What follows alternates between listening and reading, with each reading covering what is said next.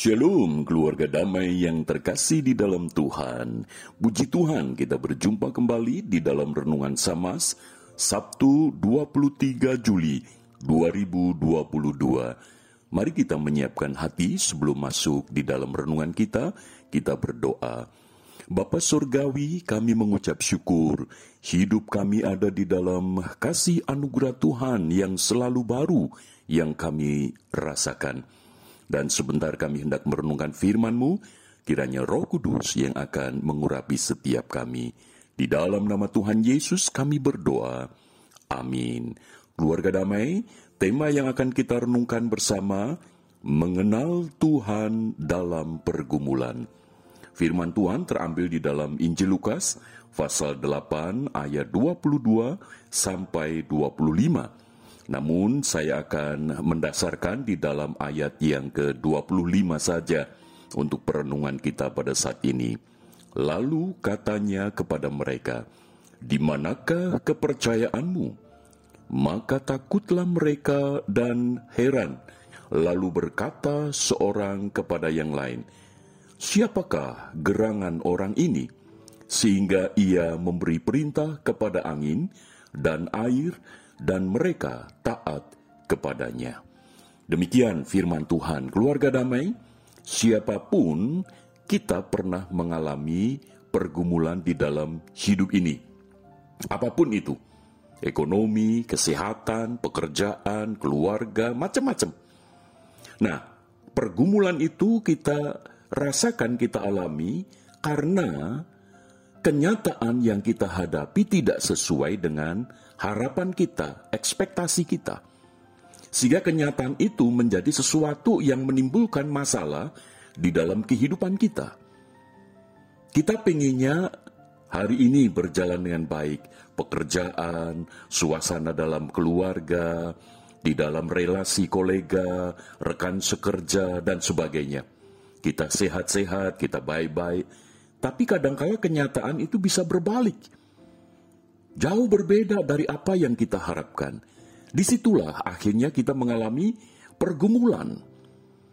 Itu juga yang dialami oleh para murid. Ketika berjalan bersama Yesus ketika menyeberangi Danau Genesaret itu, mereka mengharapkan bahwa perjalanan itu akan berjalan dengan baik Angin tidak terlalu kencang, gelombang juga tidak ada, hanya kecil, sehingga mereka bisa nyaman di dalam perahu mereka. Tetapi firman Tuhan katakan di dalam ayatnya yang ke-23, sekonyong-konyong turunlah taufan ke danau, sehingga perahu itu kemasukan air dan mereka dalam bahaya. Ini satu kondisi yang tiba-tiba sekonyong-konyong, di luar daripada harapan mereka, di luar daripada rencana mereka. Dan itu yang terjadi. Itulah pergumulan. Maka itu di dalam menghadapi pergumulan, ternyata melalui perikop yang kita baca ini, ada rancangan Tuhan di balik pergumulan itu. Sehingga para murid semakin mengenal siapakah Tuhan Yesus itu justru di dalam sebuah pergumulan yang mereka sedang hadapi. Nah, yang pertama, ketika menghadapi pergumulan itu, supaya dapat semakin mengenal akan Tuhan Yesus, yang pertama, mereka datang. Mereka datang kepada Yesus. Menarik sekali. Jadi, ketika mereka menghadapi kondisi laut, tak angin, taufan itu begitu luar biasa mereka sekalipun nelayan, tapi mereka tidak mampu untuk menghadapi hukum alam ini. Kondisi taufan yang begitu dahsyat.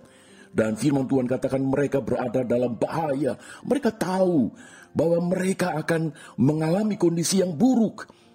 Tetapi di tengah kondisi yang sedemikian berat itu, yang sulit itu, mereka datang kepada Yesus. Di dalam ayat yang ke-24 di sana dikatakan, maka datanglah murid-muridnya membangunkan dia katanya, guru-guru kita binasa. Keluarga damai, biarlah ketika kita mengalami berbagai macam pergumulan apa pun itu, kita datang kepada Yesus. Kita datang kepada dia. Ini penting. Para murid tidak datang ke tempat-tempat yang lain karena memang juga tidak memungkinkan karena mereka sedang berada di dalam kondisi yang sulit, berada di danau Genesaret itu. Dan mereka satu-satunya datang kepada Yesus. Wow, luar biasa. Dan ketika mereka datang kepada Yesus, yang kedua, mereka berserah pada Yesus, sekalipun itu dengan nada putus asa Sebab di dalam frasa berikutnya dikatakan, guru-guru kita binasa, kita binasa. Itu berarti bahwa Yesus pun juga akan binasa begitu. Bukan hanya mereka sebagai murid. Tetapi ini juga sekaligus memberikan sebuah gambaran bahwa para murid itu berserah penuh kepada Yesus. Kalau kita harus binasa, kita bersama dengan uh, guru kita, yaitu Yesus. Jadi di dalam segala keadaan yang sulit itu, mereka berserah. Apa pun yang akan terjadi, mereka berserah. Mereka berserah. Dan apa yang terjadi berikutnya, keluarga damai yang ketiga, mereka mengalami akan kuasa Tuhan Yesus Kristus. Mereka merasakan dan mereka melihat dengan mata kepala mereka sendiri tentang siapakah Yesus itu Sebab ini kuas, hukum alam memiliki satu kekuatan yang tidak bisa dihadapi oleh manusia. Sekalipun mereka seorang nelayan, mereka tidak mampu untuk menghadapi. Dengan kecanggihan teknologi apa pun, kalau alam itu sudah menunjukkan satu musibah, kekuatannya, tidak ada seorang pun yang dapat menghadapi, bukan? Nah, Ketika mereka datang kepada Yesus, berserah kepada Yesus. Yang ketiga, mereka mengalami kuasa Tuhan Yesus Kristus. Sebab di dalam ayat yang uh, ke-24 bagian akhir dikatakan, ia pun bangun lalu menghardik angin dan air yang mengamuk itu. Dan angin dan air itu pun reda dan danau itu menjadi teduh ini satu kekuatan alam tunduk di bawah kuasa otoritas daripada firman yaitu Yesus Kristus. Dan inilah yang belum pernah dilihat oleh para murid. Sehingga ketika peristiwa itu mereka semakin mengenal siapakah Yesus ini.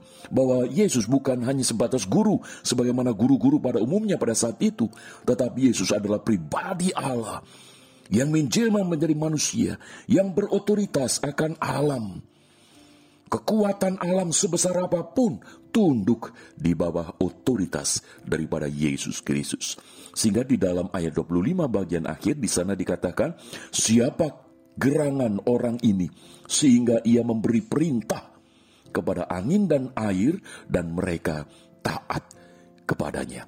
Karena perubahan itu luar biasa 180 derajat itu berubah keadaan. Dari angin yang begitu kencang, disebutkan dengan istilah taufan, dan air yang begitu besar sudah masuk ke perahu yang akan menenggelamkan, tiba-tiba berubah.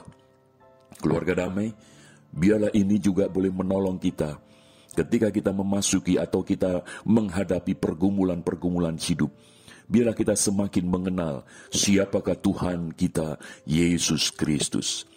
Nah, untuk itu, mari kita datang kepada Dia. Kita berserah kepada Dia dan kita mengalami pribadinya, kuasanya, kasihnya yang begitu agung di dalam kehidupan kita. Amin. Mari kita masuk di dalam doa. Bapa Surgawi, tolonglah kami, supaya kami semakin mengenal Engkau, ya Tuhan Yesus, justru di dalam pergumulan. Di tengah keadaan yang sulit, kami semakin mengenal Engkau. Sebab di situlah yang membuat kami menjadi kuat, memiliki pengharapan untuk tetap menjalani hidup ini sampai pada akhir. Terima kasih Bapa di dalam nama Tuhan Yesus kami berdoa. Amin. Keluarga damai, Tuhan Yesus memberkati. Amin.